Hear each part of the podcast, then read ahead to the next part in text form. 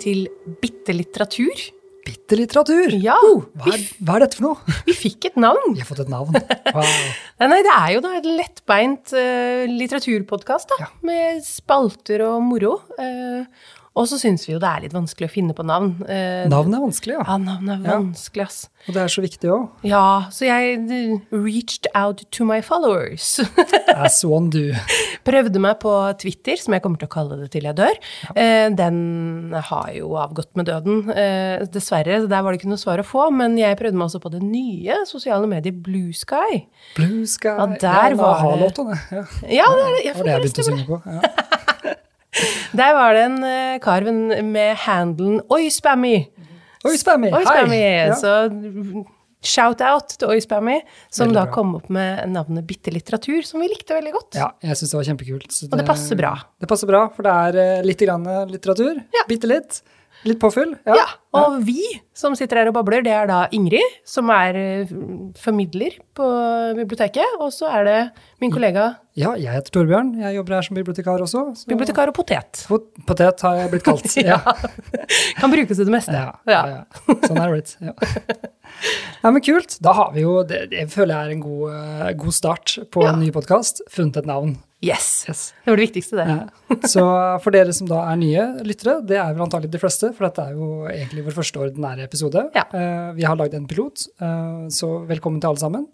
Eh, Vi presenterer eh, spaltene litt som i går, så eh, vi tenkte vi kan begynne med hva er det vi skal kalle det? ukas nyheter. Ja. Ukas betraktninger. Ja. Ja. Det, vi har tatt med oss en ting hver som vi skal fortelle om, som vi ikke har snakket om allerede. Eh, og jeg har med en liten ting som har vært mye i min feed om dagen. Oi, oi. Eh, Spennende. apropos Twitter. Oi, oi. Hvem er det som kommer med biografi denne uka? Ja, nei, søren ikke klype. sant? Ja, Elon Musk. Ja. Ja. Og det, han, den kom vel på tirsdagen 12. var den vel ute på norsk, men den har liksom ligget på bestselgerlistene til Amazon siste uka. Ja, det eh, har før den i hele tatt er ute for salg. dryppa med nyheter eh, Ja. de siste ukene, har jeg sett. Eh, og lekkasjer. Eh, ja. Og det er vel det de sier, alle de juicy tingene er jo allerede lekket. Men Så nyheten i seg selv er jo at han har kommet med biografi. og det, er, det tar av både i Kina og USA. Og, og, og det er et eller annet med måte, kraften av en biografi da, som Mm. jeg syns er veldig interessant. Du så det når prins Harry kom med den Spare. Spare. Mm. Ja, det var Prince Harry, ja. Eh, At det liksom det blir veldig stor ståhei rundt en biografi, og det å bli kjent med en, et menneske liksom gjennom en sånt sakte, langt tema. Den er 688 sider. Ja, og eh, Og- jeg har lest at eh, eh, som jeg ikke husker noen på farta, Jo, det har jeg nemlig notert. Eh, Det er eh, Walter Isaacson. nemlig Han eh, gikk ikke av veien for å kalle Elon Musk for gal. Nei, Etter å ha da hatt en ja. lange samtale med han. Og det er sånn som vi slenger jo ut det at han er gæren, liksom. Men han Ja, Han han, er gæren, han er på ordentlig. Ja. Og, det og han har hatt mye um, det har vært, eh, Han har hatt en tøff oppvekst med både Ja. bølling av far og de andre i skolegården, og, og har vel både Aspergers og eh, eh, en liten diagnose i tillegg. Så det, har ikke vært, eh, det har ikke vært så lett for ja. Elon. Og han har jo også strevd med å finne navn, har vi jo skjønt. Ja. Han, har jo, han har jo noen alternative navn på de barna sine. I hvert fall de vi har hørt om. Ja, stemmer det. Det er X og Y der òg, er det ikke det? Ja, det er X og Y og sideræl, og det er litt av hvert. Technicos et eller annet. Men han har elleve barn, jeg har bare hørt om tre av dem. Så det er mulig noen av de heter liksom Joe, eh, Ja. men de får vi ikke høre om, vet Det må jo være en Joe og en Jack. Jack og Joanna. Det er mye på J. Ja, det tror jeg. Ja. Så, nei da, så han kom med en ny biografi nå. Eh, samme forfatteren som har skrevet uh, Steve Jobs sin biografi også, for så vidt. Ja, kult. Um, og eh, ja, så, det, så han skal ha gjort en grundig jobb. Men jeg setter litt sånn lunkne anmeldelser, men jeg er litt spent på, på hva som kommer nå av vanlige tilbakemeldinger. da. Det kan jo også være fordi folk ikke er så begeistra for Musk, at det ikke nødvendigvis er boka som er problematisk, men innholdet. Ja, altså figuren. jeg tipper at håndverket er godt fra Mm. Så det blir spennende. Det, det, ja, det syns jeg har vært, det har vært såpass mye av det at jeg ville ta det med som ukas nyhet. Ja. Ikke dumt. Ikke dumt. Eh, Jeg har også med meg en nyhet. Min nyhet er ikke nødvendigvis helt flunka ny, men den var litt ny for meg. Um, og den er veldig in keeping med meg som person, så Ja. velkommen til å bli litt bedre kjent med meg. Eh, men um, nyheten er egentlig fra april. Ja. Fordi i april 2023 så kom Haruki Murakami med en ny bok. Yay! På japansk. Ja, det er min favorittforfatter. Den kom på japansk. Det er Ja. ikke kommet noen eh, dato ennå for verken den engelske eller norske oversettelsen. Nei. Men det betyr jo at eh, vi bør følge med, vi som er glad i eh, japansk sånn absurd realisme. Så er det nok rett over jul, tenker jeg, så vil det dukke opp eh, i hvert fall den engelske. Eh, navnet er eh, The City and Its Uncertain Walls. Og det er en, eh, egentlig en novelle som han skrev på 80-tallet, eh, som er gitt ut. Eh, og så har han der liksom omkalfatra litt på den, og så blei det til en roman. Eh, som da er, skiller seg fra novellen, da, men også fordi at novellen har, er jo ikke avslutta. Så man får liksom en, en avslutning på historien. Ja. Eh, Har du lest novellen? Ja, ja, det Ja, fins ikke noe jeg ikke har lest. Eller jo, Jo, det et fins én bok du ikke har lest. Og den har du lest. Den har jeg lest. Eh, Hva er det du snakker om når jeg snakker om løping? Ja, ja det, snakker ikke til meg. Nei, nei, ikke sant. Men alt, eh, alt eh, skjønnlitterære har jeg vært borti, ja. Men det er en stund siden jeg har lest den, så jeg gleder meg til, å, jeg gleder meg til det kommer. Og det er jo en nyhet som er litt fram i tid, samtidig som den er litt tilbake i tid. Så jeg tenkte at den, dette passer perfekt inn i vår nyhetsspalte. Ja, kult. Det vel- ja. Hvor mange er han oppi nå? Vet du det? Ja, han, husker mange. Ja, han har skrevet mange, men en ting som bekymrer meg litt, det var også at han sa, eh, uttalte, når han skrev denne boka, eller når han ga ut denne boka, den nyeste, at eh, nå er jeg i 70-årene, og jeg veit ikke hvor mange flere bøker jeg klarer å skrive. Ja. nei, nei, nei, jeg vil ikke høre det. Eh, Så han sa også det at derfor så ville han da bruke mye tid og kjærlighet på å skrive denne historien, da. Eh, Så det mm, høres jo nesten ut som hans liksom siste eh, epos, og det håper jeg ikke det er. Men eh, det betyr vel også at det er noe å glede seg til, vil jeg tro. Ja, det tror jeg. Ja.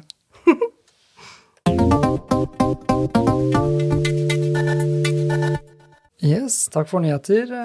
Det var fint å høre litt fra Murakami-land, Murakami-land, kan man kalle det. Ja. Eh, Vi er jo, som vi sa, spaltebaserte, så vi skal eh, stykke det litt opp i ulike eh, spalter, som navnet tilsier. Og den første Kapitler, skal- da, for de som er glad i bøker. Ja, kapitler er Kanskje vi skal kalle det kapitler. Ja, kapittelbasert podkasten fra Fredrikstad bibliotek. Ja. Uh, vår første kapittel slash spalte slash segment ut er noe vi har kalt for stikkprøve. Eh, og så skal jeg prøve å fortelle hva stikkprøve går ut på. Og det er at eh, vi ser veldig mange bøker hele tiden. Eh, Noen ser veldig interessante ut, og noen har man lyst til å lese, men du kjenner ikke nok til den. Så vi skal egentlig bare åpne en bok som vi syns er interessant annenhver gang, og lese litt fra den for å se hva slags språk, hva slags tone, hva slags type bok det er, da, uten at vi egentlig har satt oss så mye godt inn i boka. Ja. Så gi boka en slags en sjanse uten at vi på en måte går grundigere til verks enn at vi syns den har sett spennende ut. Ja. Og så blar vi opp en tilfeldig side og finner et kult avsnitt, og så ser vi om dette er fengere. ja, Ja. Det er rett og slett det. det er akkurat det. Å få ja, sjekke litt eh, hvor landet ligger. Ja. Så jeg har tatt med en bok i dag. Det var min eh, jobb. Nå er jeg spent, altså. Spent. Ja. Eh, Det er den her. Oi! Den Ja. er det nesten imponerende at du har klart å få kloa i. Yes. For det er de som da ikke er på TV-sendingen, som vi ikke har, det er jo da Thomas Korsgaard sin eh, 'Hvis det skulle komme et menneske'. Ja, Den nyeste um, boka som det er en kø som lang som et vondt år. på. Ja, eller det vil si den andre, andre boka i trilogien akkurat kommet på norsk. Ja, så da Eh, uh, er den den er der roa seg litt. Ja, men jeg tror folk vil lese den første fortsatt, så jeg, Ja. tror jeg, jeg lurer på om det er 40 stykker igjen jeg, på den lista nå. Ja, ja, det er det er ganske sikkert. heftig. Men jeg bestilte den jo for en stund siden, så Ja. jeg fikk den akkurat. Perfekt.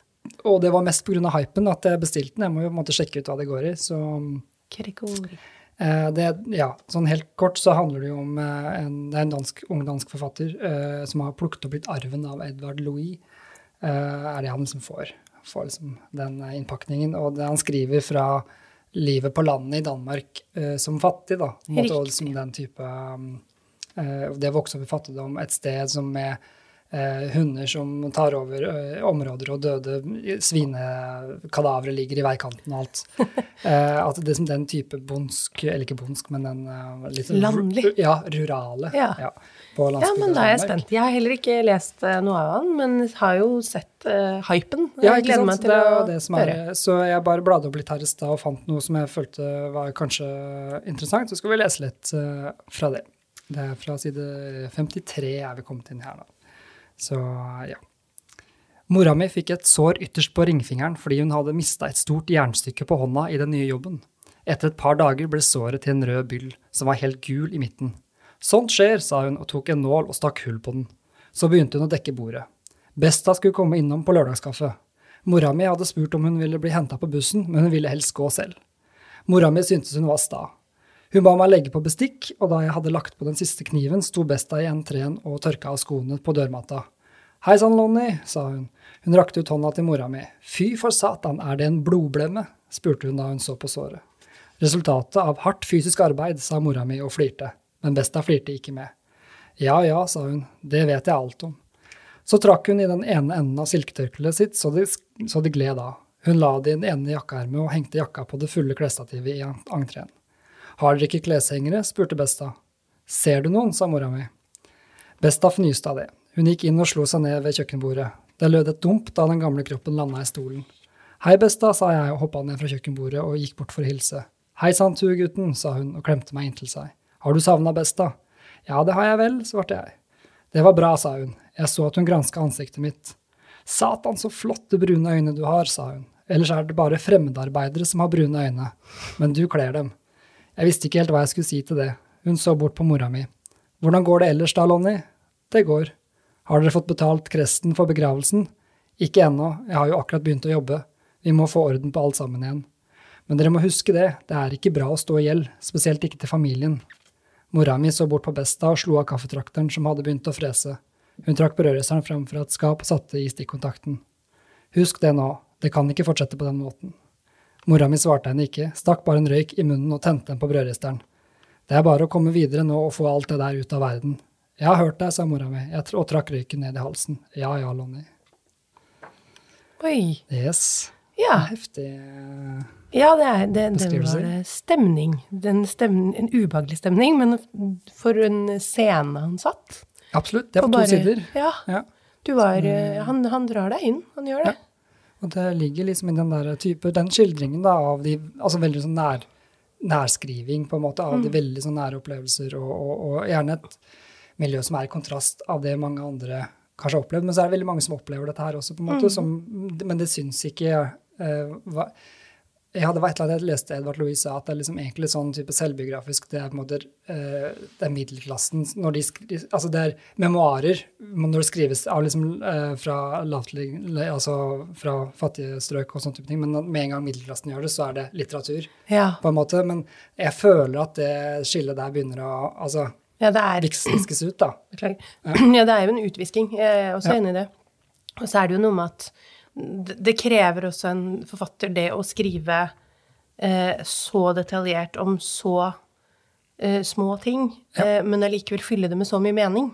Mm. Fordi at det ligger så mye i, det, i de to sidene. Den, den her eh, må jeg bare stille meg i kø på, jeg òg, da. Ja, jeg, jeg, jeg begynner å skjønne hypen. Ja. Tror, og det er en trilogi, så det, dette er første, og så har andre kommet på norsk nå. Den tredje kommer vel ikke ja, om ikke så lenge, tenker jeg. Ja, tipper den kommer neste Men så fins de jo på dansk òg, for de som mm. er gira på det.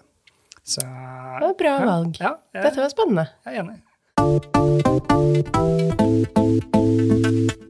Da er vi over på neste kapittel. Mm. Eh, sjangerbløffen, har vi kalt den. Sjangerbløffen. Ja, og nå, skal vi, eh, nå skal, er det min eh, jobb å prøve å presentere en bok til deg. Ja. Eh, så enkelt og platt som mulig. og så skal du prøve å gjette hva slags sjanger den er henta fra gjerne gjetteboka også, hvis du finner ut av det. Men eh, Og da er det da spørsmålet om jeg bløffer, eller om jeg dobbeltbløffer, eller trippelbløffer, eller om jeg bløffer deg eller meg sjøl, eller? ja, ja jeg, akkurat det. Jeg er redd for at du skal komme til å ta en roman og, og pitche den som en roman, og så blir jeg sånn Er hun Spiller hun nå, eller er det Skal jeg stole på magefølelsen, eller ja. Og det er nettopp det som er det psykologiske spillet, som er sjangerbløffen. Ja. Ja. Og, og, det er jo en del overskridende sjanger også, ikke sant. Så det, det er det. det som er, det er det som gjør det gøy. For opphengte sjanger. Men ja, nå er jeg veldig spent på hva du har med. Ja, mm. da har jeg forberedt meg litt her, så da må jeg bare I denne boka får vi et innblikk i menneskets syke. Boka går inn i hvilke mekanismer som er i sving når, noen mennesker, eller når vi mennesker samhandler. Hva er det som får en stalker til å forfølge noen, f.eks. kjente personer? Hvordan går man fram når politiet ikke hjelper, eller ikke kan hjelpe? Eh, Vi får høre om hvordan det oppleves på begge sider av bordet, fordi boka er unik i sitt slag siden den også gir stalkeren en stemme. Oi. Hvilken sjanger? Å, jeg føler den siste setningen er nøkkelsetning. Stalkeren en stemme. Åh. Jeg tenkte på jeg er berømte stalker-bøker, men tenker bare på Every Breath You Take av The Police. Men uh, det er jo ikke sang vi skal ha. Ja, sang! Det ja, ja. Ja, det kunne det vært, men nei. Eh, Du har, eh, husk at du har to spørsmål. Ja, det er sant. Vi har to spørsmål. Ja. Jeg, jeg, jeg begynte med å tenke at uh, ja, ok, det er en roman, du pakker det inn som en slags sånn uh, psykoan... Altså litt sånn selvhjelpsbokaktig ting. Eh, og så får jeg en eh, Jeg får liksom en følelse på krim også. Skal vi se eh, Hva slags spørsmål skal jeg stille da? Um, eh, som ikke er sjang Jo, det er, det er, det er vanskelig. Ja, det er kjempevanskelig. Spørsmålet er nesten det vanskeligste. Mm. For du har lyst til å stille eh, hva slags sjanger er det? Ja, er det en, er det en ikke sant, sånn der eh, berettelsesting? Eh, skal vi se Altså jeg, eh, I piloten, for de av dere som har hørt den, så stilte jo jeg to spørsmål som hjalp meg ingenting. Ja, men jeg følte selv at spørsmålet var veldig lure. ja, ja. Um, Er det skrevet i jeg-person? Det er det ikke. Eh, er det en eh, bok som har kommet de siste ti årene? I mm, Nei. Den er eldre enn det. Eldre enn det. Ok. Ja, det hjelper ikke masse, men eh, jeg, jeg går for en krim, jeg. Oi, Jeg det, gjør er- det er ikke et dumt forslag. Nei, men det er altså Eh, feil. Men det er feil, ja. Jeg så det på deg. Åh, det er kjempevanskelig. Men det er jo en sjangeroverskridende bok, det her. Ja. Sånn at det er på, på et vis eh, Det er skjønnlitteratur. Ok, ja. Det kan jeg røpe. Ja, Ja. ja. Og det er en roman, men det er en biografisk roman. Aha, ja. Eh, det han, den heter Vil du at jeg skal si det? Ja, ja, ja, jeg har ikke sjans. Nei. Det er da 'Hennes løgnaktige ytre' av Selma Lønning Aare. Ja, den har jeg ikke lest. Nei, den handler altså om eh, Anna Munch. Ja. Den eh, norske forfatteren som er mest kjent for å være stalkeren til Knut Hamsun. Det stemmer, jeg visste ikke navnet, men jeg hadde hørt at han stalker, ja. Ja, da, og det, er, eh, det begynner med brev, eh, altså brev, de ekte brevene fra han og sånn, og brevet til, til politiet som Hamsun skrev, hvor han anmoda om at de skulle få fatt i denne kvinnen. Um, og så er det da Boka er skrevet uh, som en roman, eh, hvor da datteren Signe uh, datteren til Anna forteller mammaens historie. Og, og du får liksom et Altså, du, du, frikjenner ikke Anna, men det gir et litt mer nyansert bilde av litt det der med hvorfor får Anna hekt på Knut? Hva er det han gjør i forkant som de treffer hverandre, og hun blir stormende forelska? Eh, og det ligger liksom litt til grunn at han nærmest lokker det litt inn. Og så når hun begynner å skrive brev, så avviser han henne, eller han svarer ikke, og så blir hun helt besatt, da.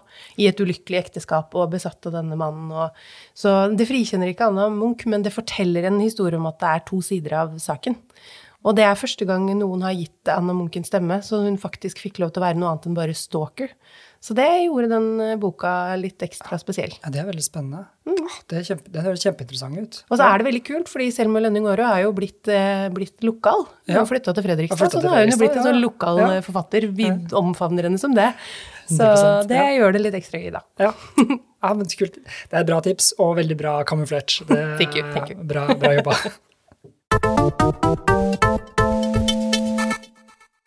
Ja, nei, jeg, der ble jeg bløffa der, ja. Det, sånn, sånn skjer. Eh, Moro. moro er 1-1. for en- Ja, det er sant. Det. Vi får begynne å tegne, opp eh, scoreboardet her. Ja.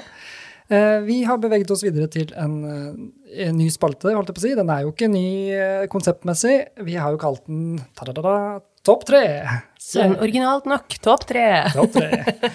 Men uh, det er et godt uh, format. Da. Det, Ja. det gir at du kan presentere uh, noe vi litt videre på, på en ganske lettfattelig og kort, inten, altså kompakt måte, er det ikke Ja. det jeg skal si. Ja. Og så er det jo helt fritt hva vi Altså det eneste vi har begrenset til, er at det må ha en eller annen form for tilknytning til litteratur på et eller annet vis. Men utover det så er jo verden vid åpen. Og den strikken tror jeg kan bli Og den kommer til å bli tøya Ja, så ja. langt! Men eh, ja, da, nei, men vi er her for å skape leseglede, det er jo det som er poenget. Så, eh, og da tenkte jeg skulle hoppe rett på det, egentlig. Eh, Så min eh, ukas topp tre fra meg er eh, topp tre tiltak for å lese mer. Oi! Ja, ja, ja. Dette liker jeg. mitt eget perspektiv, da. Selvfølgelig her er det store variasjoner ut ifra hvordan man eh, er som eh, person, og hvordan dagene er satt opp, og alt mulig. Men eh, dette er i hvert fall tre tiltak jeg har gjort for å få økt opp lesinga mi. Ja. Og vi begynner på bunn med den eh, nummer tre tiltak. Og det er eh, ikke så veldig eh, revolusjonert. Det er riktig lyssetting Oi! Ja, det er ikke og stemning. Ja. Det er utrolig viktig. For jeg sleit med å synes, Jeg syns ikke det var noe koselig å lese om kvelden, for jeg hadde veldig dårlig nattbordslys. Mm. Uh, og så kjøpte jeg meg en ny lampe som hadde en dimmer. Det hjalp veldig. Det har noe Få å si. litt ned huset. Og den hadde også en sånn dimmer som gjorde at den var litt, litt mer oransje i starten. Aha. Sånn at når det er på lavest, så er det liksom litt varmere lys. Eh, og så kjøpte jeg meg en lampe til etter hvert, for jeg syns at dette her funker veldig bra. Mm, Og så kjøpte jeg en sånn smartpære som jeg kan styre. Så jeg satte den på dritoransje. Uh, og, og da ble det så hyggelig og sånn der varmt og peis, og jeg ligger i senga og bare Å, det er så koselig å ligge og lese. Sovner jo fort, da, for så vidt. Så, Ja, men det er jo men jeg gleder meg da til å plukke opp boka. Det Mm. er jo det som er litt av poenget. Og det samme gjelder jo i, i stuer. på en måte liksom Sett den gode lampa di bort til der du liker å sitte, liksom, og prøv å gjøre det Ja, prøv å lyse etter litt. Mm. Sånn, det både ved dine egne øyne òg, og for å spare de litt. Absolutt. Og det er, det er jo et veldig godt tips som man kanskje ikke tenker over. At man Stuer er veldig ofte sånn å, man demper belysningen og tenner, tenner telys og sånn. Men telys er koselig, men det er ikke, noe, det er ikke leselys. Nettopp. Spesielt Så- ikke når man blir, begynner å bli voksen. Det er akkurat det. Så eh, prøv å være litt smart med å finne noe som er koselig, men også som er funksjonelt. Da. Det, det tror jeg det skaper veldig stemning da, for at du, du vil lese litt mer. Ja. Godt tips. ja. Så eh, da er mitt andre er jo, på helt an, er jo da motsatt. Nummer to tips er lydbøker. Ah, ja, da er ikke lyssetting så viktig. Det er det ikke, men tidsklemma er viktig. Ja, ja. Og jeg hadde et, en gang et eh, leseprosjekt uh, som het uh, 52 bøker i løpet av et år. Én for hver uke et helt år. Heftig. Ja, jeg var student. Ja. Det var covid. To vesentlige likevel. Ja. forutsetninger. Så måte, du kan gå inn det på to forskjellige måter. Det er jo at du leser bare veldig korte samtidslitteratur, eller du, men jeg liker jo lange eposer av og til, og, og klassikere. Så da måtte jeg begynne å høre en ting på lydbok, for da kunne jeg høre lydbok mens jeg gikk steder. Jeg kunne høre lydbok mens jeg gjorde oppvasken og rydda rommet. Smart. Gjorde sånne andre dagligdagse ting. Da. Det er ikke alle som klarer dette, vet jeg, men for meg funka det veldig godt. Og da fikk jeg rast gjennom eh, Ja, jeg havna på 48 bøker. Jeg klarte det ikke. Og det er jo ikke gærent uansett, tenker jeg. Og jeg syns jo det også for min del også, som er midt i småbarnstidsklemma, så er jo lydbok eh, virkelig et godt tips, som jeg egentlig vet om. Men jeg trenger at noen sier det til meg innimellom. Ja, man- For jeg veit jo at det fins. det Ja, så det- tyr man til podkast, som jo er kjempelurt. Hør på podkaster. Gjerne litt eh, Gjerne. lettbeinte litteraturpodkaster. Men i tillegg så er det noe med å kunne få de bøkene man har lyst til å lese gratis, da, mens man eh, vasker opp og rydder etter unga og Ja, det er et veldig godt tips. Ja. Som jeg egentlig ennå ikke sant, vi vet det, men man trenger å høre det. Ja. Man trenger å bli minna på at det er en greie. Eh, Så ja, over til da nummer første, nummer første faktisk. Den nummer uno-tiltak for å lese mer, som er veldig eh, Hva heter det for noe? Det er um, paradoksalt. eh, Fordi jeg sier unngå prosjekter og lesing av de riktige bøkene, for de som kan se mine Ja. hermetegn her. Eh, For eh, nå hadde jeg jo et prosjekt som gjorde at jeg leste mye, men jeg klarte det jo ikke. Nei. For jeg kom i desember og mangla fem bøker, Ja. og var ja, men ja, jeg kan gjøre det. Det er to uker igjen av året. Ja. Jeg kan liksom få noen lette bøker jeg ikke bryr meg om.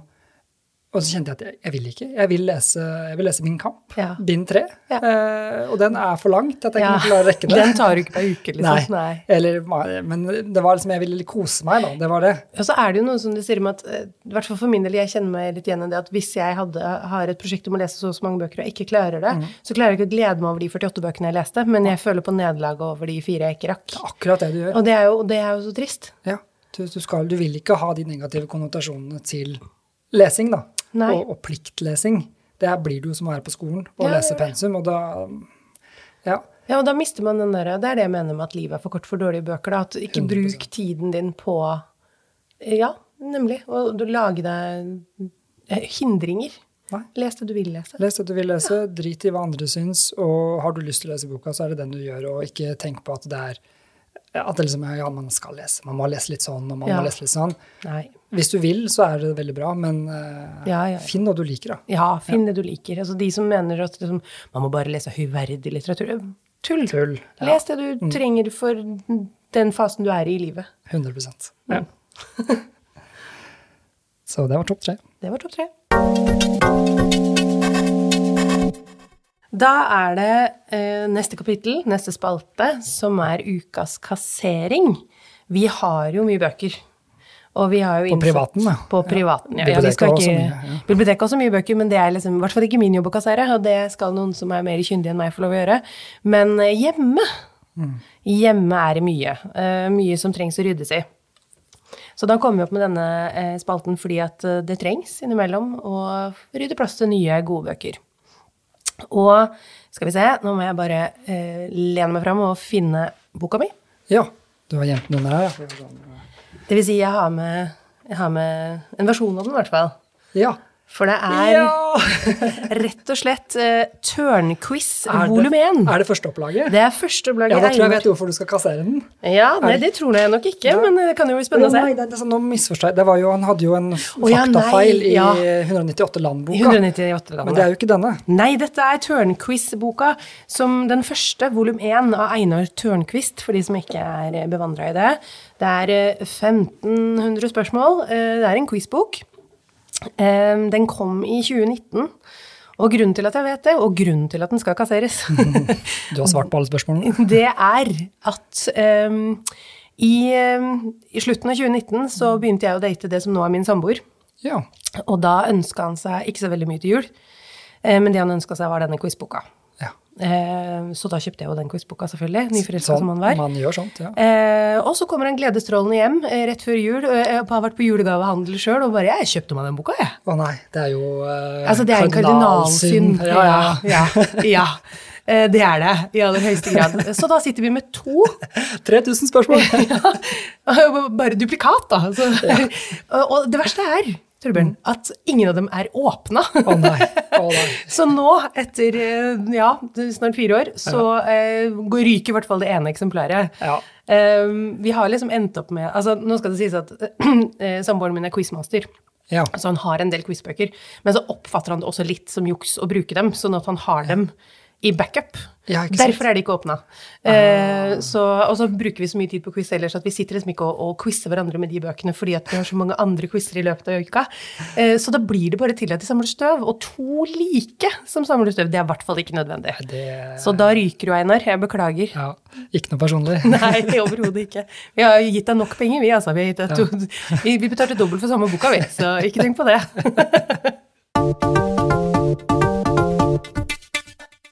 Yes, yes.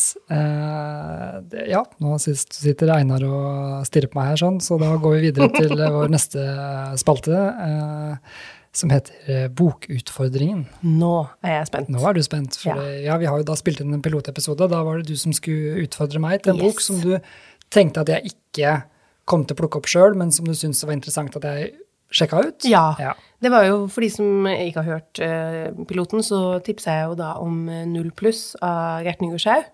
eh, Som er en litt bestialsk, brutal sak som jeg bare kom til side 90 på. Yep, Og så var utfordringen Kommer du deg lenger? Ja. Eh, da, har, nå har jeg hatt den i ja, det er kanskje et par uker siden vi spilte inn den første piloten. Har ikke begynt på den. Nei. Vet du. Og det er jo, og det tenkte jeg ja, jeg kan selvfølgelig lese litt grann og, og eh, fake det for innspillingen, men eh, det er viktig å være ærlig også med sine egne Ja. Og noen ganger så havner bøker litt for langt ned i bunken. Det er mange andre ting som skal gjøres. Eh, Men jeg har den fortsatt. Jeg har jo tenkt på den en del. Ja. Og jeg eh, elsker jo konseptet. Ja. Eh, og at Og for de som ikke husker det, så kan du gå tilbake til piloten og høre. jeg syns vi skal gjøre det. Ja. For da kan vi bare kutte videre til min er- Nå er det min tur til å utfordre deg på Ja. noe som Det er ekstra spennende. jeg tror du ikke har lest, som jeg syns er en liten juvel som kanskje du får noe ut av eller ikke. Hmm. Så skal vi se her, den ligger underst. Oi, du har den med også. Oi, oi, oi. Ja, jeg tok og rappa den fra utstilling der den sto på, øh, inne på biblioteket. Ja. Dette, sånn ser den ut. Oi, se her, ja. Og den, for ja, Det er viktig Ja. å gjøre dette for lytterne, så jeg burde kanskje begynne å si titlene med en Ja, gang. Men um, Det er da Bjørn Gabrielsen. mm, 'Veien ut' med Ja. undertittelen 'En mann, en skog, et år, ingen plan'. Oi, oi, oi. Ja, nei, dette har jeg ikke lest i det hele tatt. Dette virker interessant. Den, øh, den boka kom i 2006. Eh, prinsippet med, eller altså Bakgrunnen for boka er at han ser seg lei av livets mas og kjas og ting han ikke kan reparere, og liksom og at det går for fort, liksom. Så han finner ut at han skal flytte ut i en hytte han har i Nordmarka. Det er ikke lov å bo der, men han sier han er på besøk ofte. Så han tar med seg hundespannet sitt. Han kan trene hundespannkjøring rundt Nordmarka. Og så bor han der for å bo der et år. Og så skriver han om det Ja. i liksom i sånn memoar-dagbokform om hvordan livet er på, på, ja, på hytte i skogen. Og da snakker vi liksom hytte uten innlagt vann Ja da, og strøm? Ja, man må bære vann, ja, alt mulig. Det er koie, rett og slett? Ja.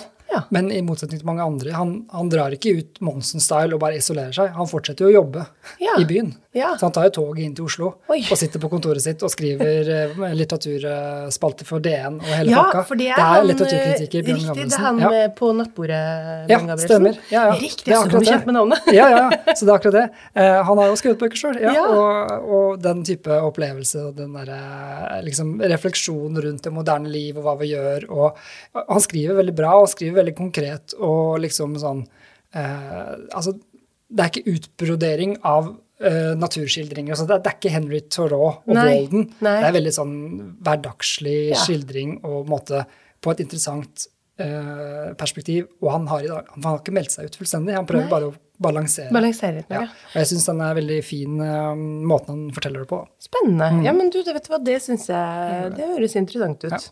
Han har jo en slags lignende prosjekt som Magnus Ravatn, som har eh, De må jo kjøpe seg gård, og så har hun en skrivestue ute i stabburet uten eh, nettilgang. Eh, hvor hun, når hun skal liksom For hun har jo skrevet en bok som heter eh, Operasjon sjøldisiplin. Den har jeg i hylla mi, den skal Ja. ikke kasseres. Nei, det kan du ikke. kan Men ikke. den er, eh, det er nettopp fordi at hun sliter med den her, eh, litt som sikkert han også, da, at når du kommer i i den verden vi lever i nå, så er det så mange som krever så mye av deg hele tiden. Og du er jo tilgjengelig hele tiden. Mm. Ja. Så det er jo sånn at man er jo litt misunnelig på den. Ja, den er interessant. Den skal jeg sjekke ut. Og så er det vanskelig å gjøre det, men det er vanskelig å ta det steget sjøl, så det er veldig Ja. deilig å lese om andre som gjør det. Ja. Jeg føler at man du får kan- noe ut av det. Nemlig. Ja. Man kan plukke opp noe utenfor. Jeg, vi kommer tilbake til det i neste kapittel, Oi, men det her spennende. passer veldig godt inn med det jeg har eh, som min, mitt eh, eksistensielle spørsmål denne uka. Eh, så den her skal jeg sjekke ut. Kanskje jeg lærer noe Bjørn Gabrielsen.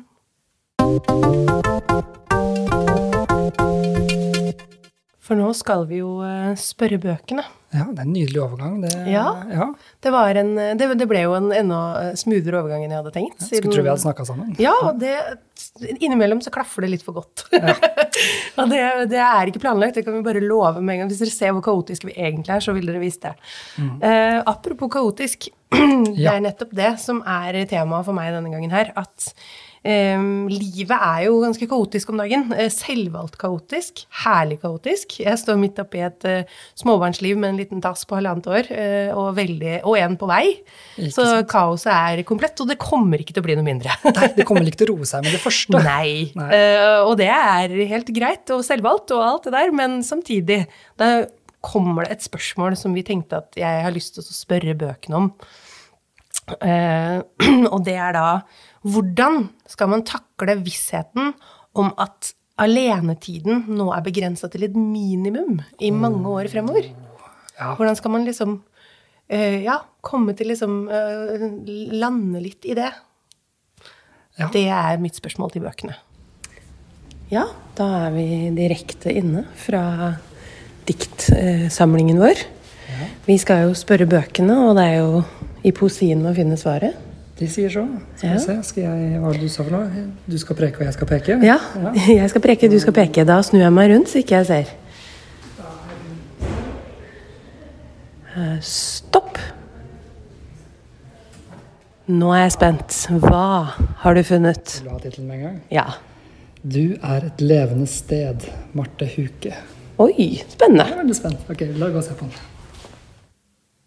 Ja, da er vi tilbake i studio, og Eh, Torbjørn har eh, med seg boka som vi henta Yes. på hylla. Hva var det igjen? Eh, Den heter eh, 'Du er et levende sted' av Marte Huke. Ja. Jeg kjenner ikke til den fra før. gjør du? Ikke jeg heller. Nei. Ikke bevandra i hennes eh, forfatterskap. Nei. Spennende. Den er fra Vi mottok den i 2019, så det var omtrent da den kom ut, tenker jeg. Ja. Så ja. Så da, for å få svaret på dette spørsmålet, så skal jeg begynne å bla litt eh, tilfeldig her, og så skal du si stopp. Jeg skal eh, ikke kikke, og jeg skal si stopp. Uh, stopp. yes, da har jeg en side her, så skal jeg føre fingeren opp og ned. Skal vi se om det Og stopp. Ja, da fikk jeg en veldig bra, eller fikk jo en, en helhetlig strofe her. Eh, så da, hvis du gjentar spørsmålet, så skal jeg lese svaret til deg. Ja. Hvordan takler man vissheten om at alenetiden er begrensa til et minimum i mange år fremover? I går lå hun på magen og løftet hodet uten å begynne å gråte. Hun liker å bli snakket og sunget for. Agu, agu, sier hun. Og det er jo helt perfekt. Oi! wow! Ok, altså, det, altså, svaret ligger jo i bøkene. Det er jo dere er sånn man takler det. Er jo nesten på å begynne å gråte. Ja, Jeg har gåsehud her, altså. Men det er jo nettopp sånn man er takler det. det er jo irriterende god timing. Ja, altså, det føles ut som vi skulle fake dette her. Ja, men det er, det er nesten så vi må ha noen som filmer oss og viser at vi ikke faker. Men altså, dette er jo helt perfekt. Det er jo sånn man takler det. For selv om man ikke er aleine, så er det, det er jo de øyeblikka der Ja. som beriker det. som gjør at man holder ut, da. Mm. Noen år uten alenetid. Ja. Nei, så gøy! Jeg må begynne å lese mer dikt, jeg. Ja, ja altså, det, de, jeg skammer over hvor lite jeg har lest av dikt, åpenbart. For det er jo der svarene ligger. Ja, det er akkurat det. Åpenbart. Herregud. Ja. det er veldig, veldig bra. Ja, det var Nei, det, nei det, det, det, er for perfekt. Det, Ja. går ikke. Veldig bra jobba, Marte Huke. Ja.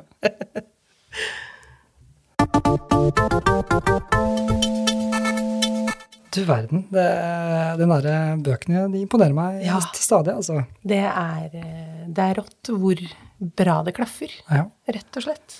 Da har vi jo egentlig kommet eh, til veis ende her. Vi har eh, en, eh, en liten siste spalte. Det har vi. Det har vi også valgt å kalle ukas anbefaling. Cred til krisemøtet, som hadde mange bra podkastspalter som vi helt uten eh. Skam. skam har rappet. Stjeler. Ja, ja. Stjæler, ja. ja. Når de velger å legge ned eh, konseptet krisemøte, så kan vi, da er det up for grabs, tenker jeg. Det tenker jeg også. Så eh, Det er også en oppfordring til at gutta skal samles igjen og lage den videre, da. Ja, gjør det da. Ja, kom igjen da, gutta. Eh, Men ja, inntil videre så kan dere i hvert fall få med min anbefaling for denne uka som kommer. Eh, Og nå har jeg gravd litt i arkivet. Eh, Jeg satt og så på TV her for litt siden. Og dette er da min anbefaling til dere. Gå inn på NRK TV og finn fram bokprogrammet på NRK Åh. med Hans Olav Brenner. Ja. Han tok over der eh, det- Var det sist Vik tok vel over etterpå, om så var det noen som var før? Det husker jeg ikke, men akkurat Brenner-perioden Ja. er jeg veldig glad i. ja. Så, øh, og for det er 2008-TV. er veldig, Det virker veldig lenge siden. Ja. Og det syns. Altså, det er måten de lager det på, og hvor lang tid de kan bruke på ting. Og det er så rolig. Og det er så, han er jo så rolig, og så kunnskapsrik. Absolutt. Han hadde det i altså, Jeg bokbada Agnes Ravatn i 2019, Ja. og da så jeg eh, hans bokbade henne i forkant. Ja, Det, jeg husker ikke om det er da det den kanskje brenner og bøkene. Det kan ha vært Brenner og bøkene, Det men- for han har jo- lagd, ja. ja. Eh, Men eh, Det er veldig bra, de også. Ja, ja, så han, han dukker jo opp eh, til stadighet med sine bokbad. Men eh, det er noe med den, som du sier, litt sånn originale 2008-versjonen. Det var, det var Og det hadde helt annen tid. tid. Ja. Ja. De hadde masse tid, eh, så jeg ble jo helt oppslukt, satt og så masse. eh, Så for de som da vil sjekke ut, så kanskje, kanskje dere vil begynne med en episode som heter Er det lov å være morsom? Den er fra 2008-sesongen, og det er annet eh, Erlend Loe er med, og Helene Uri. Ah. Og en veldig ung Helene Uri, som har opplesning for et sånt forfatterselskap, og lese, leseselskap heter det, og greier, liksom. Og det er, ja, det er veldig, veldig, veldig gøy. Og de har prøvd å være kreative i klippen, liksom, og bare Og det er noe sånn, noe sånn høy musikk, og noe sånn, i overgangen er så brå, og han liksom ja, det er, det er, så, det er så utrolig bra meta.